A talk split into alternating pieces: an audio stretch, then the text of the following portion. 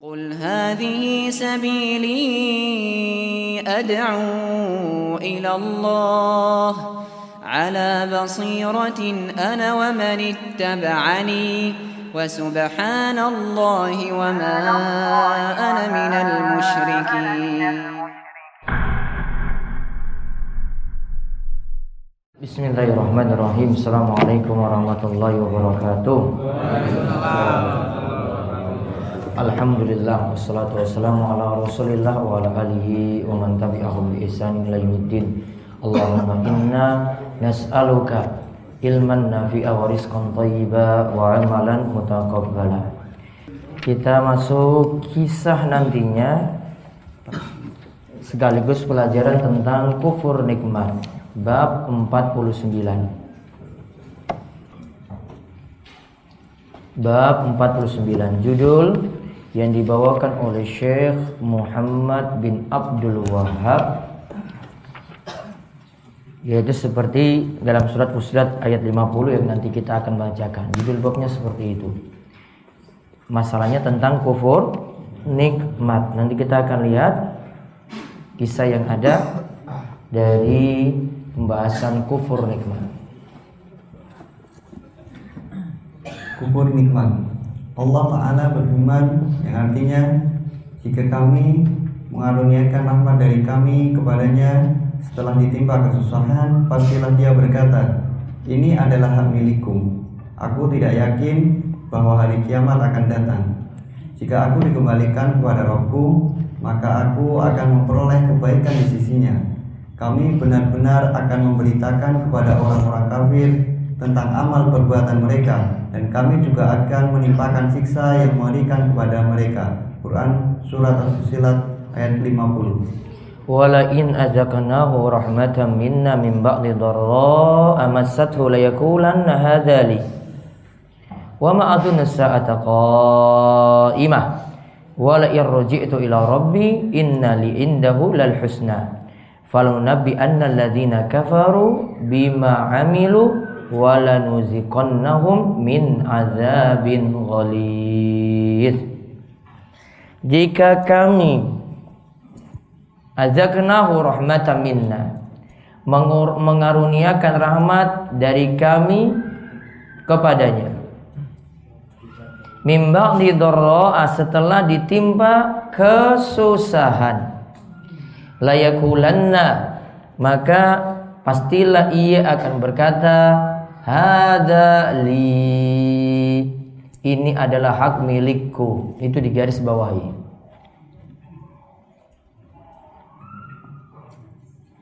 Wa ma adzunnu sa'ata qa'imah. Aku tidak yakin bahwa hari kiamat itu akan datang. Wala irji'tu ila rabbi innali indahu lal husna. Jika aku dikembalikan kepada Robku maka aku akan memperoleh kebaikan di sisinya. Falanunabbi annalladzina kafaru. Kami benar-benar akan memberitahukan kepada orang-orang kafir tentang amal perbuatan mereka. Dan kami juga akan menimpakan siksa yang mengerikan kepada mereka. Surat Fusilat ayat 5 Berarti di sini ini dikatakan kufur nikmat disebut kufur nikmat karena menyandarkan nikmat pada dirinya sendiri. Berarti pembahasan kita ini kufur nikmat yang dimaksud adalah menyandarkan nikmat pada diri sendiri.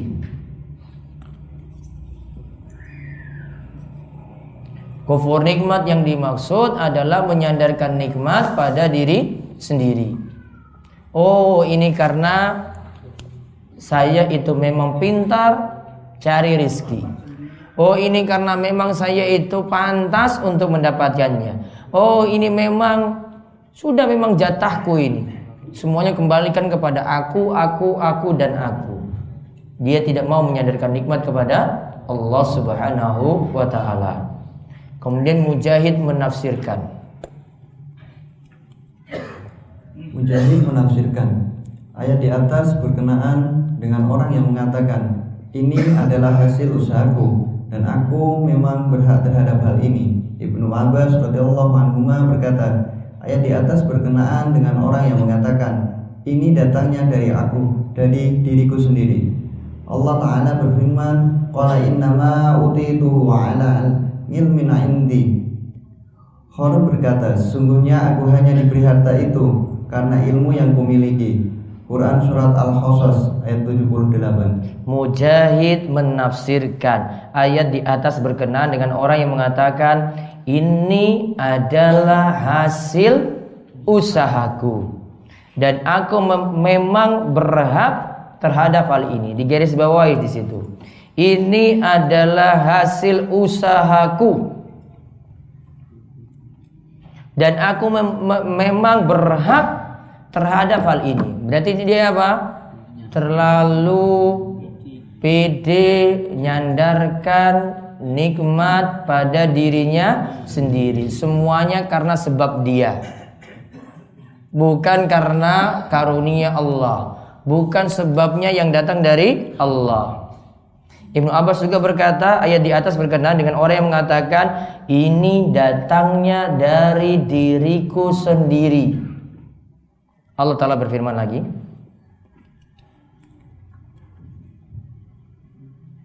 Allah Ta'ala berfirman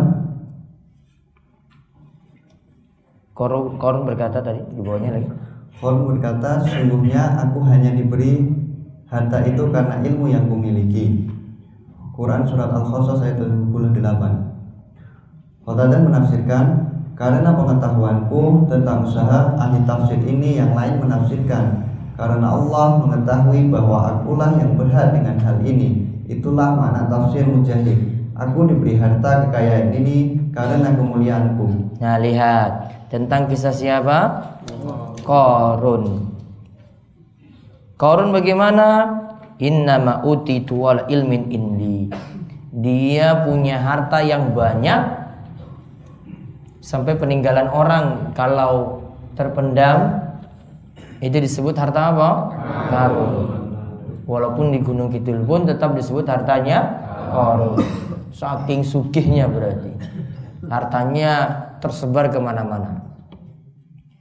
Namun ini lihat korun memang seperti itu sombongnya. Ketika dia dapat nikmat, dia katakan di sini seperti dalam ayat innama utituhu ala ilmin indi. Memang aku pintar, makanya harta itu banyak aku dapat. Dia bilang karena memang aku pintar, cerdas, makanya aku pantas mendapatkan harta itu. Mujahid tadi, apa kota ada tadi katakan, karena pengetahuanku tentang usaha, aku pintar menajem, eh, aku pintar memanage keuangan, aku pintar untuk pemasaran dan seterusnya. Aku semuanya yang dibawa. Ahli tafsir yang lainnya menafsirkan karena Allah mengetahui bahwa akulah yang berhak dengan ini. Memang aku pantas. Dia bawa aku lagi karena memang aku pantas, aku cerdas, aku pantas untuk mendapatkannya. Juga aku diberi harta kekayaan ini karena kemuliaanku. Berarti juga di sini di antara bentuk kufur nikmat adalah menyadarkan nikmat pada diri sendiri. Dan ini bentuk seseorang ya menunjukkan tauhidnya tidak sempurna karena dia menyadarkan nikmat pada dirinya sendiri. Sekarang kita lihat kisah yang panjang di sini ya tentang si buta, si botak dan yang punya penyakit kulit. Ya, tiga orang ya, si buta, si botak dan yang punya penyakit kulit. Kita lihat masing-masing di antara mereka kita nanti akan dapat pelajaran tentang orang yang rajin mensyukuri nikmat dengan orang yang malah kufur nikmat. Abu Hurairah. Abu Hurairah radhiyallahu anhu mendengar Rasulullah Shallallahu alaihi wasallam bersabda, Dulu ada tiga orang Bani Israel, yaitu orang berpenyakit lepra, orang yang berkepala buta, dan orang buta punya penyakit lepra. Lepra penyakit apa? Kulit. Berkepala botak. Ya botak wajar bisa. Namun ini rambutnya nggak tumbuh-tumbuh. Apa istilah kita ini? Apa? Penyakit apa ya? Rambutnya orang tumbuh. apa sih? ya. Dan ini ada orang bu buta. Jadi punya penyakit kulit, kemudian ada yang buta rambutnya nggak tumbuh-tumbuh, kemudian ada yang buta sini. Mana yang lebih parah? Buta yang lebih parah di sini. Kita lihat. Allah hendak Allah hendak menguji mereka dengan mengutus malaikat kepada mereka. Jadi nanti ada malaikat yang datang menyerupai manusia, kemudian ya nanti akan menguji mereka dengan izin Allah. Malaikat itu pun Malaikat itu pun mendatangi orang yang berpenyakit lepra dan mengatakan, Nikmat apakah yang paling engkau sukai? Orang itu menjawab, Warna dan kulit yang indah dan penyakitku yang membuat jijik orang ini sehingga segera hilang dari tubuhku. Abu Hurairah menuturkan bahwa malaikat lantas mengusap orang itu sehingga lenyaplah penyakit lepra yang dideritanya. Nah, lihat. Pertama malaikat datang, malaikat tanya. Kan tadi uh, menyamar seperti manusia. Ayu syai'in ahabu ilaik. Nikmat apa yang engkau sukai? Kemudian ya karena dia tadi punya penyakit kulit ya abros. Abros itu punya penyakit kulit maka dia minta pada uh, kesempatan itu saya minta launun hasanun. Kulit yang bagus. Wajildun hasanun. Ya, tadi kalau laun hasanun warna yang bagus. Kemudian kulit yang bagus. Wa yadhhabu anni alladhi qad kadhirani an-nasu Dan aku ingin supaya orang-orang tidak pergi nantinya jauh dariku. Artinya karena penyakit kulit ini orang-orang pergi menjauhi dari dirinya. Kemudian diceritakan malaikat tadi yang menyamar jadi manusia famasahahu mengusapnya. Fadzahaba anhu qadaruhu. Lantas penyakitnya tadi hilang. Kita lihat lagi. Malaikat bertanya lagi, Harta apakah yang paling engkau sukai? Orang itu mengatakan, unta atau mungkin anak sapi. Ishak ragu ketika meriwayatkan lafal ini. Orang orang itu pun diberi onta-onta yang sedang bunting dan mendoakan, semoga Allah melimpahkan berkah kepadamu dengan onta ini. Taib, lihat. Ditanya lagi. Harta apa yang engkau paling cintai? Dijawab ibil atau bakar? Dijawab unta atau sapi. Perawi di sini Ishak ini ragu-ragu mau menjawab unta atau sapi. Fa'utiyana naqatan usyra. Kemudian dia akhirnya diberi unta yang sedang bunting. Apa maksudnya bunting? Hamil. Lalu didoakan pada orang itu Barakallahu laka fiha.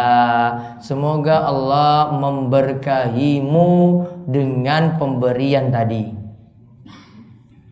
Nah, selesai cerita dengan yang punya penyakit kulit tadi.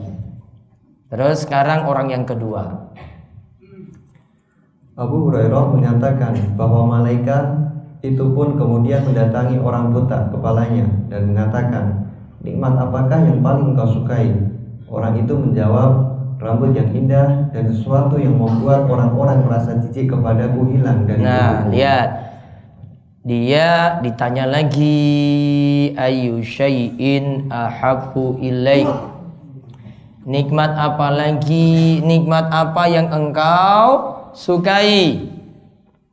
Dijawab sya'run hasanun Sya'run rambut.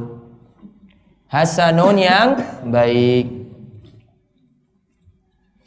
Wa yazabu anni alladhi qad qadiranin nasu bihi dan nantinya orang-orang tidak lagi pergi menjauhiku famasahahu malaikat tadi kemudian mengusapnya kepalanya barangkali fadzaba anhu maka tadi penyakit botaknya itu hilang, berarti akhirnya tumbuh apa? Tumbuh apa? Rambut. Wa yadhhabu anni tadi wa utiya sya'ran hasanan, maka dia diberikan rambut yang bagus. Lalu dia ditanya lagi.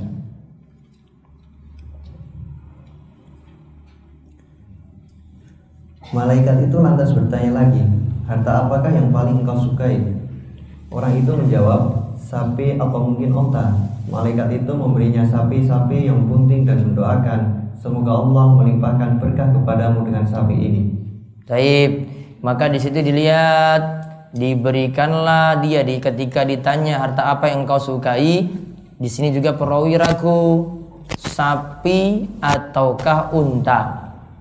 Pokoknya antara sapi atau unta. Maka dia diberikan sapi yang bunting, yang hamil. Lantas sambil didoakan barakallahu laka fiha. Semoga Allah memberkahimu dalam pemberian tadi. Dan ini jadi anjuran Bapak Ibu-ibu sekalian jadi anjuran bahwa kita kalau diberi eh, kalau kita memberi sesuatu pada orang lain jangan lupa untuk doakan berkah. Jangan lupa untuk mendoakan berkah. Ya, mendoakan pada orang lain biar harta tersebut jadi manfaat.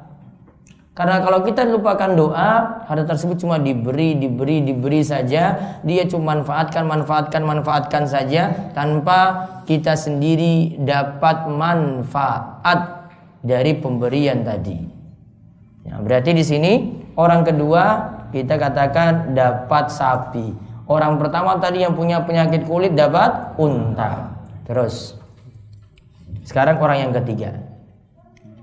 Malaikat itu pun lantas mendatangi orang yang buta dan mengatakan, nikmat apakah yang paling engkau sukai? Orang itu menjawab, penglihatanku dikembalikan oleh Allah sehingga aku bisa melihat orang lain. Malaikat itu mengusap orang itu sehingga Allah mengembalikan penglihatannya. Malaikat itu bertanya, harta apakah yang paling engkau sukai? Orang itu menjawab, kambing. Orang itu pun diberi kambing-kambing yang hampir beranak. Lihat, ada kalimat yang berbeda di sini. Kalau tadi si lepra dan si botak cuma ketika diberi nikmat ya dia katakan apa nikmat yang kamu sukai dia jawab rambut yang bagus tadi dan kulit yang bagus coba lihat kalimat dari si buta dia ketika ditanya nikmat apa yang engkau itu sukai, dia jawab begini. Ai yaruddallahu ilayya basori.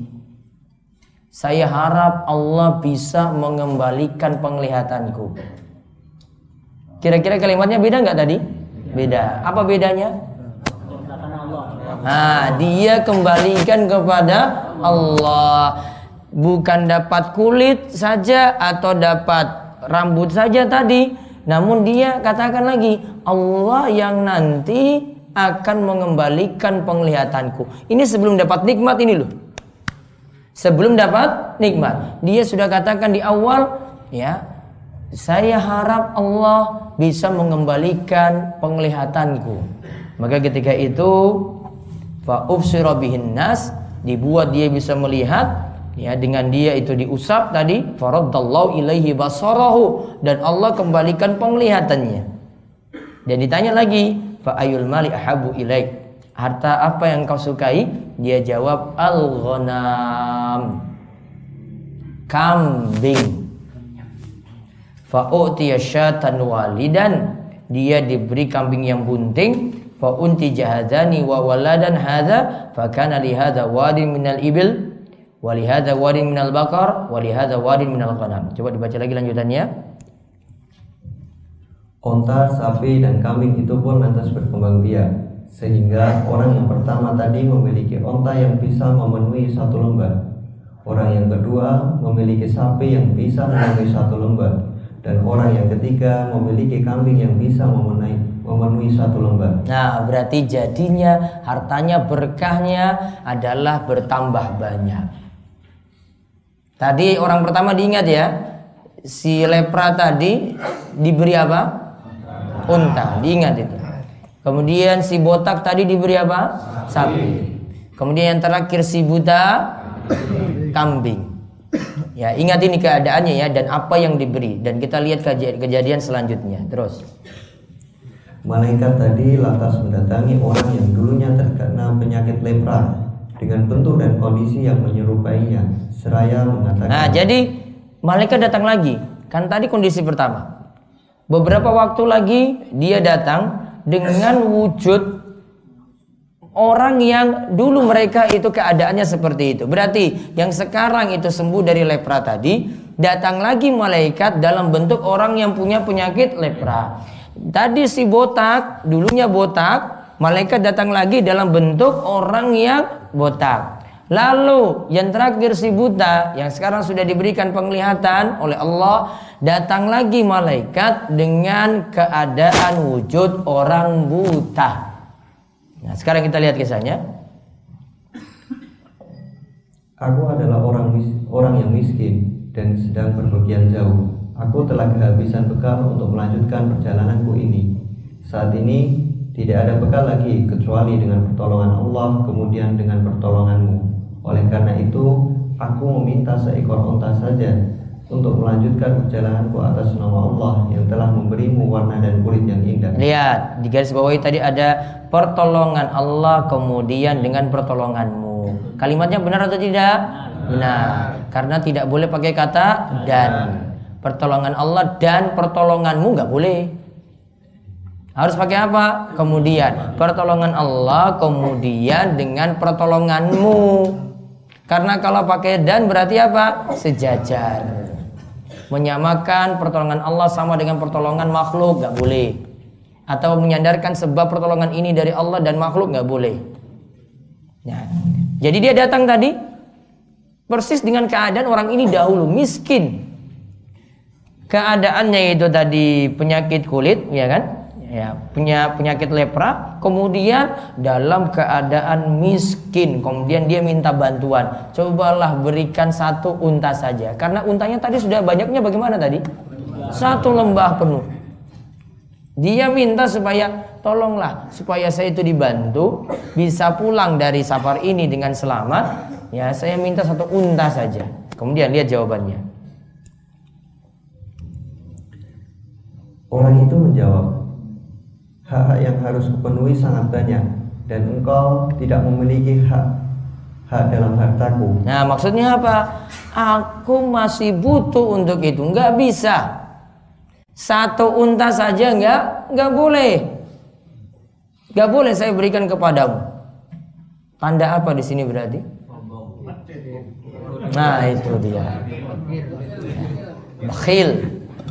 Pelit. Ya. Terus berikutnya. Malaikat itu berkata, "Sepertinya aku mengenal dirimu. Bukankah engkau dulu adalah orang yang terkena penyakit lepra, sehingga orang-orang pun merasa jijik dengan engkau dulunya? Juga adalah orang yang miskin. Allah lantas memberimu harta yang banyak." Nah, jadi malaikat ungkit lagi. Dulu ini bukankah kamu dulu itu punya penyakit lepra? Dan dulu itu engkau itu miskin, orang-orang itu pergi jauh darimu karena penyakitmu tadi dan kere lagi, miskin lagi. Dan engkau ya saat ini sudah diberikan harta yang banyak oleh Allah. Dia tegur di sini. Yang memberikan harta yang banyak itu adalah Allah. Kemudian lihat jawabannya. Orang itu menjawab, harta bendaku ini aku warisi dari nenek moyangku.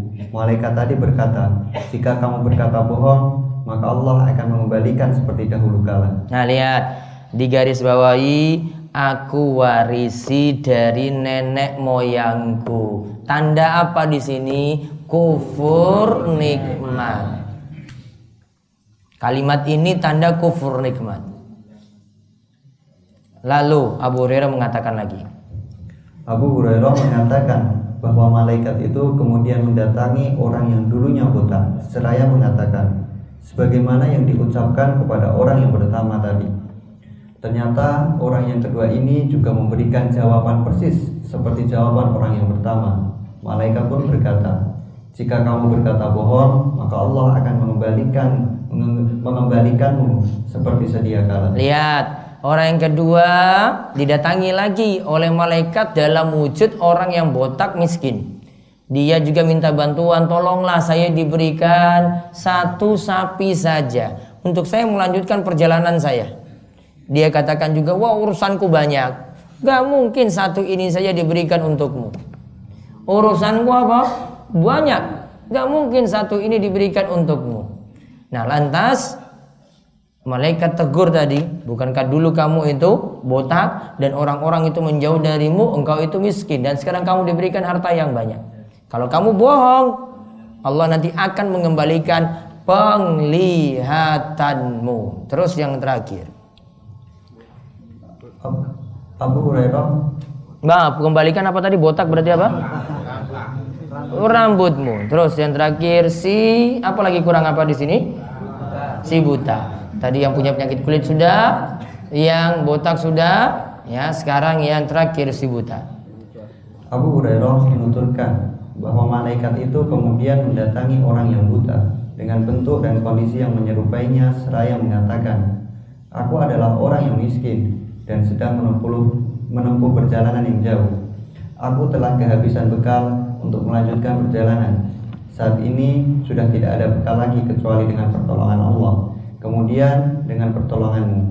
Oleh karena itu, aku memintamu kepada aku meminta kepadamu seekor kambing sehingga aku melanjut, bisa melanjutkan perjalananku atas nama Allah yang telah mengembalikan penglihatanmu.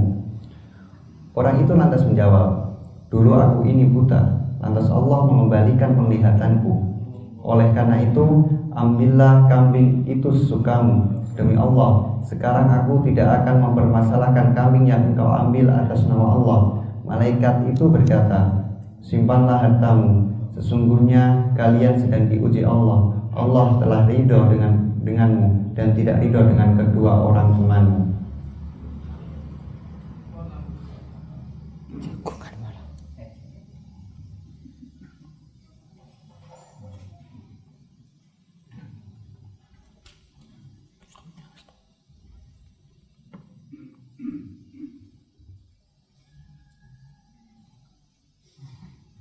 Pun yang di luar sampun jadi biar saya konsen. Sampai mana tadi? Nah itu toh saya lupa malah. Makanya kalau saya ngisi jangan ada yang ngobrol sendiri nanti kurang konsen saya. Nanti jagungannya nanti ngopi nanti di bawah ya. Tinggal fokus. Kemudian dia datangi orang yang buta. Wujudnya apa berarti? Seperti orang yang buta juga. Datang dalam keadaan miskin, minta supaya ditolong tadi untuk sampai pada perjalanannya dengan selamat. Karena dia susah ketika itu. Dia minta apa di sini? Satu ekor kambing. Oleh karena itu, ya, karena mintanya seperti itu dan ingat, pengaruhnya di sini. Karena tadi sudah dia puji Allah Allah yang kembalikan penglihatan si buta ini kan? Maka lihat kalimat yang selanjutnya dia katakan ya seketika ingin memberi jawabannya lihat dulu aku ini buta. Lantas Allah mengembalikan penglihatanku. Itu di garis bawahi. Allah yang mengembalikan penglihatanku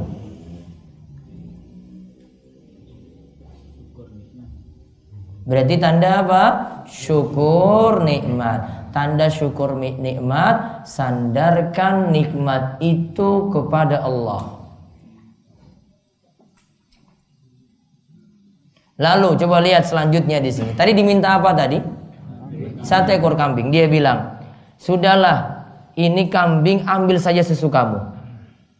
Demi Allah, sekarang aku tidak akan permasalahkan kambing yang engkau ambil atas nama Allah tadi. Artinya harta ini dia sadar bahwasanya ini pemberian dari Allah. Sudah mau ambil ambil saja. Berarti Allah titip dia tadi dengan kambing tersebut. Nitip kambing kepada dirinya. Dia sadar ini adalah pembelian dari Allah. Kalau mau ambil, engkau tadi sebut nama Allah juga di sini ambil ambil saja.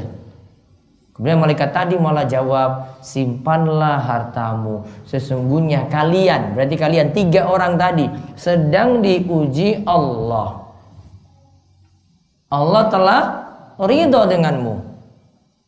Dan tidak ridho dengan kedua orang temanmu, si lepra dan si buta tadi. Maaf, si botak tadi. Allah tidak ridho dengan keduanya, ridho kepadamu. Sekarang lihat kita lihat faedahnya sambil nanti uh, pelajarannya nanti saya akan sebutkan pelan-pelan tadi. Lihat dulu kandungan bab. Kandungan bab. Yang pertama tafsir surat Al-Fussilat ayat 50. Tafsir surat Fussilat ayat 50. Berarti ayat yang pertama tadi. Terus yang kedua. Yang kedua makna ucapan ini adalah hakku. Artinya dia kufur nikmat. Katakan bahwasanya saya mempantas untuk dapat itu. Terus yang ketiga. Yang ketiga, makna ucapan, aku diberi harta ini karena ilmu yang padaku, yang ada padaku. Ini perkataan siapa tadi? Korun. Aku dapat ini karena aku memang pintar, cerdas. Kalau orang saat ini ya memang saya pantas seperti itu. Kong saya S2, S3. Pintar, SSSS namun belum punya istri.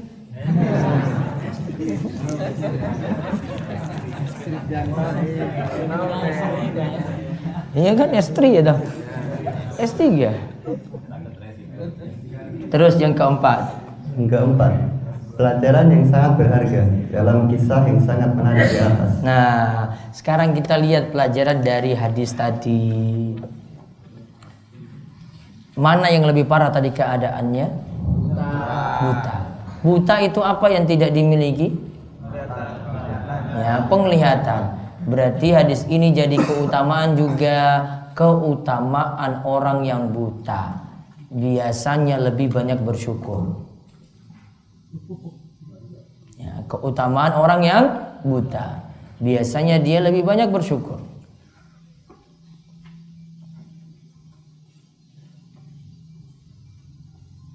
Dia bersyukur apa adanya saja, apa yang dia miliki. Ya, sebatas ini saja saya punya yang lainnya Allah tidak beri saya penglihatan. Namun yang lainnya dia itu syukuri sekali.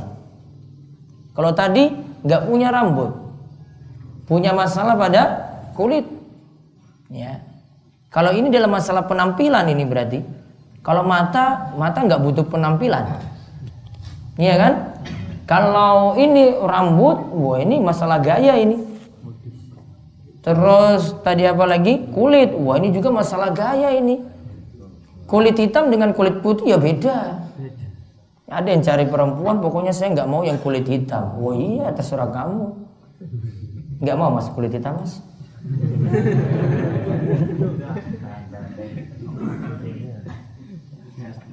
Nggak mau ya sini ya. Biasanya hitam-hitam manis loh itu. Terus lihat lagi pemberiannya tadi apa? Orang pertama si lepra apa? Unta. Orang kedua sapi. Orang yang ketiga si buta kambing. Berarti lebih utama memelihara apa? Kambing. Ditulis ini hadis yang menunjukkan keutamaan memelihara kambing. Karena membuat orang lebih rajin bersyukur. Tanya aja yang biasanya memelihara kambing. Biasa-biasa aja. Namun kalau dia sudah beranjak ke sapi, beda keadaannya. Ya, wah saya sudah wah ini sapi. Berapa harganya pak? Wah itu toh nyebut harga saja wah pokoknya 25 lah. Kalau ditanya kambing paling dijawabannya wah iki gur Iya. Paling cuma gitu dia jawab ya kan. Tapi kalau sapi itu wah, wah itulah haram loh Pak ini. Wah beda. Beda dengan kam, kambing. Dan juga kambing ini jadi sesuatu yang digembalakan oleh para nabi. Dan dibangun karakter orang dengan baik ketika dia melihara kambing dulu. Kata para ulama, kenapa para nabi itu memelihara kambing? Karena biar pinter ngatur strategi. Kalau kambingnya banyak, ini anteng, wah ini biasanya ngamuk-ngamuk, wah ini yang biasanya gini, gini, sifat-sifatnya beda. Dia ngatur itu jadi satu. Maka ketika Nabi SAW itu bisa ngatur seperti ini, maka diharapkan beliau nantinya ketika diangkat jadi Nabi, itu bisa mengatur orang yang macam-macam tipenya. Yang macam-macam wataknya. Oh ini wataknya pemarah, yang ini biasanya ngamuk, yang ini ini sabar, ya, yang ini pelan-pelan, yang ini ya kayak gitu. Ya. Dia bisa atur pelan-pelan di situ. Belajar dari memelihara kambing. Hasilnya beda loh di sini. Iya kan? Dibangun watak yang beda di sini hasilnya. Ketika unta orangnya kayak gitu jadinya. Ketika sapi kayak gini jadinya di sini sebutkan. Namun ketika kambing beda sekali. Dan karakter orang yang memelihara unta juga kalau unta secara khusus itu berbeda. Unta punya sifat-sifat yang jelek kalau yang Nabi SAW sebutkan. Ibil itu disebut punya sifat-sifat setan juga. Di antara sifat setannya kalau di antara sifat setan yang ada pada ibil atau atau unta yaitu ketika kita itu sholat di samping kandang unta itu lebih diberikan was-was, diganggu. Sama seperti setan itu mengganggu kita ketika kita itu sholat. Maka ada larangan untuk sholat di tempat menderumnya unta. Namun masih dibolehkan sholat di kandang kambing. Masih boleh sholat di kandang kambing. Namun tidak boleh di kandang unta tadi. Beda hasilnya. Masalah hukum pun beda di sini. Ya, masalah hukum ini berbeda loh. Unta juga kalau seseorang makan dagingnya, wudhunya batal. Ya, wudhunya batal. Kambing tidak. Tapi SAW pernah ditanyakan langsung, gimana ketika makan daging unta, apakah perlu wudhu lagi? Iya. Gimana dengan daging kambing? Nggak perlu wudhu. Beda hasilnya. Rasa unta, daging unta, ya biasa saja seperti sapi. Ya, kalau kambing punya rasa yang berbeda lagi khas. Ya, itu perbedaannya. Ya, perbedaannya di situ. Kemudian pelajaran penting yang lainnya di sini tentang masalah syukur nikmat dan kufur nik nikmat. Syukur nikmatnya tadi gimana sih buta? Menyandarkan nikmat kepada Allah. Baik ketika punya harapan ingin sembuh dan ketika sudah sembuh. Itu lihat dua keadaan tadi ya dia menyandarkan nikmat pada Allah ketika ingin ketika berharap ingin sembuh. Iya kan? Ketika berharap sembuh, begitu juga ketika sudah sem sembuh. Maka ketika kita itu sama ingin berobat, harusnya gitu dulu. Ya, saya harap Allah nanti menyembuhkan penyakit saya. Kalau sudah sembuh, alhamdulillah Allah berikan kesembuhan. Itu tanda syukur nikmat kayak gitu. Kalau kufur nikmat tadi gimana? Menyandarkan nikmat pada diri sendiri. Kemudian hadis ini juga menunjukkan menolong orang yang ke, ketika susah pahala ketika menolong orang ketika susah yaitu saat safar. Ada keutamaannya satu, keutamaan menolong orang yang ketika safar tadi, satu orang yang bersafar itu rata-rata susah. Maka ada di dalam syariat kita itu ada istilah ibnu sabil. Ibnu sabil yaitu orang yang terputus perjalanan dapat zakat. Berarti kalau orang menolongnya di sini dapat keutamaan. Yang kedua, orang yang bersafar doanya lebih diijabai Allah. Doanya lebih diijabai Allah. Maka dua keutamaan nolong orang yang jadi musafir loh di sini. Satu apa tadi? Kita nolong orang yang butuh susah. Yang kedua, doanya itu mustajab dia kalau doakan orang yang menolong tadi doanya luar biasa berarti. Ya, doanya itu benar-benar luar biasa. Pelajaran yang lainnya lagi di sini tadi jangan lupa mendoakan keberkahan kalau memberikan sesuatu pada orang lain. Jangan lupa mendoakan keberkahan.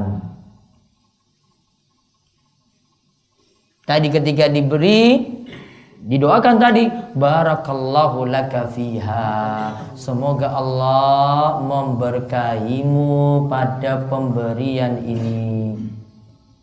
Itu. Dan setiap orang yang kita tahu dia itu dapat nikmat, doakan juga berkah. Seperti ada anjuran ketika kita itu datang kepada orang yang baru mendapatkan keturunan, baru mendapatkan anak, didoakan kebaikan. Yaitu berupa doa berkah. Ketika datang ke pada orang yang baru ijab kabul, akad nikah, ya, atau sudah melewati walimatul urs, maka didoakan juga berkah. Barakallahu laka wa baraka alaika wa jama'a bainakuma fi khair. Doakan berkah lagi. Didoakan berkah ketika senang, doakan berkah ketika susah dan dikumpulkan juga dalam keadaan baik. Diajarkan juga dalam hadis ini. Kemudian faedah yang lainnya lagi Masalah penampilan itu kebutuhan sekunder, kebutuhan nomor dua dibandingkan dengan masalah penglihatan. Penglihatan itu masalah primer. Maka lihat bagaimana saking bersyukurnya dia karena kebutuhan primernya dipenuhi. Kalau yang tadi itu kan kebutuhan nomor dua sebenarnya. Dia rambut kayak gitu saja, ya enjoy saja bisa. Ada kan yang sudah berumur kemudian rambutnya kan jadi botak nggak tumbuh-tumbuh lagi kan? Enjoy saja hidupnya. Karena nggak terlalu susah di situ. Ya, tidak terlalu susah. Masalah penampilan itu kebutuhan yang kedua dibandingkan dengan tadi penglihatan itu kebutuhan nomor satu. Ini masalah indera yang dia itu gunakan. Sehingga ketika dapati itu dia bersyukur sekali. Oh, saya diberi penglihatan ini. Ini kebutuhan pokok saya. Ya, itu kebutuhan pokok. Dan kita itu mesti mendahulukan kebutuhan pokok tadi, kebutuhan nomor satu primer tadi dibandingkan yang sekunder. Dibandingkan dengan yang kebutuhan nomor dua. Namun kadang kita lebih butuh penampilan daripada primer kalau untuk zaman ini. Betul apa betul? Betul.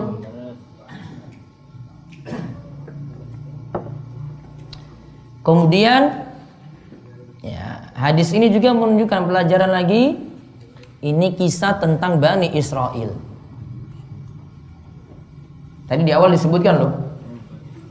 Inna salah satan min Bani Israel. Ada tiga orang dari Bani Israel berita dari Bani Israel boleh diterima jika Nabi Shallallahu Alaihi Wasallam memberitahukan kepada kita dan tidak menyebutkan masalah. Berarti silakan diambil pelajaran. Namun kalau Nabi SAW itu sebutkan kisah Bani Israel atau tentang hukum-hukum yang ada di Bani Israel terus mengatakan bahwasanya hukum ini tidak berlaku lagi maka kita tidak jalankan. Ini tentang pelajaran tentang masalah syariat-syariat sebelum Islam, sebelum Nabi SAW itu diutus. Apakah orang Islam saat ini jalankan juga? Ini lihat, Islam menyetujuinya ataukah tidak?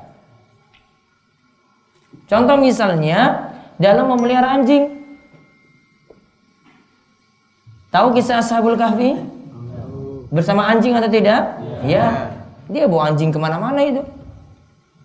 Apakah boleh berdalil kita boleh memelihara anjing? Wah itu kisah Ashabul Kahfi.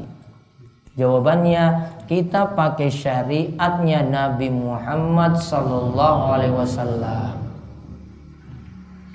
Bukan syariat yang dulu ada. Syariat ini yang berlaku. Contoh lagi.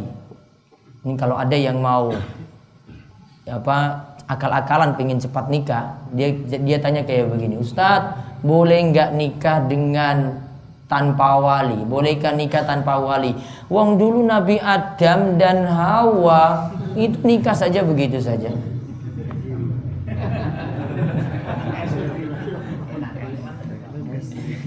Ini saya dengar langsung loh ini. Dia tanya kayak gitu. Uh, saya baru dapat syubhat berat ini. Saya jawabnya gampang. Bu, emangnya ibu nabinya siapa? Jawabannya apa berarti? Nabi Muhammad. Sudah bu, sudah tahu kan jawabannya berarti? Ikuti syariat Nabi Muhammad. Bukan lagi Adam dulu. Kalau pakai syariatnya Nabi Adam, saudara kandung dinikahkan dengan saudara kandung berarti. Iya kan? Iya. Tidak berlaku lagi. Ketika Nabi Muhammad SAW sudah diutus pakai syariat saat ini. Nabi katakan la nikah illa biwali. Tidak boleh nikah itu kecuali dengan wali ini seorang bapak punya anak perempuan, dia nggak akan setuju ini sampai minta izin dulu ke dia dan dia nanti nikahkan anak perempuannya. Maka orang yang yang pacaran itu nggak santun di sini. Kenapa nggak santun? Nggak sopan kenapa? Ya, dia nggak minta izin pada walinya. Namun ada wali juga yang izinkan izinkan gitu saja untuk pacaran.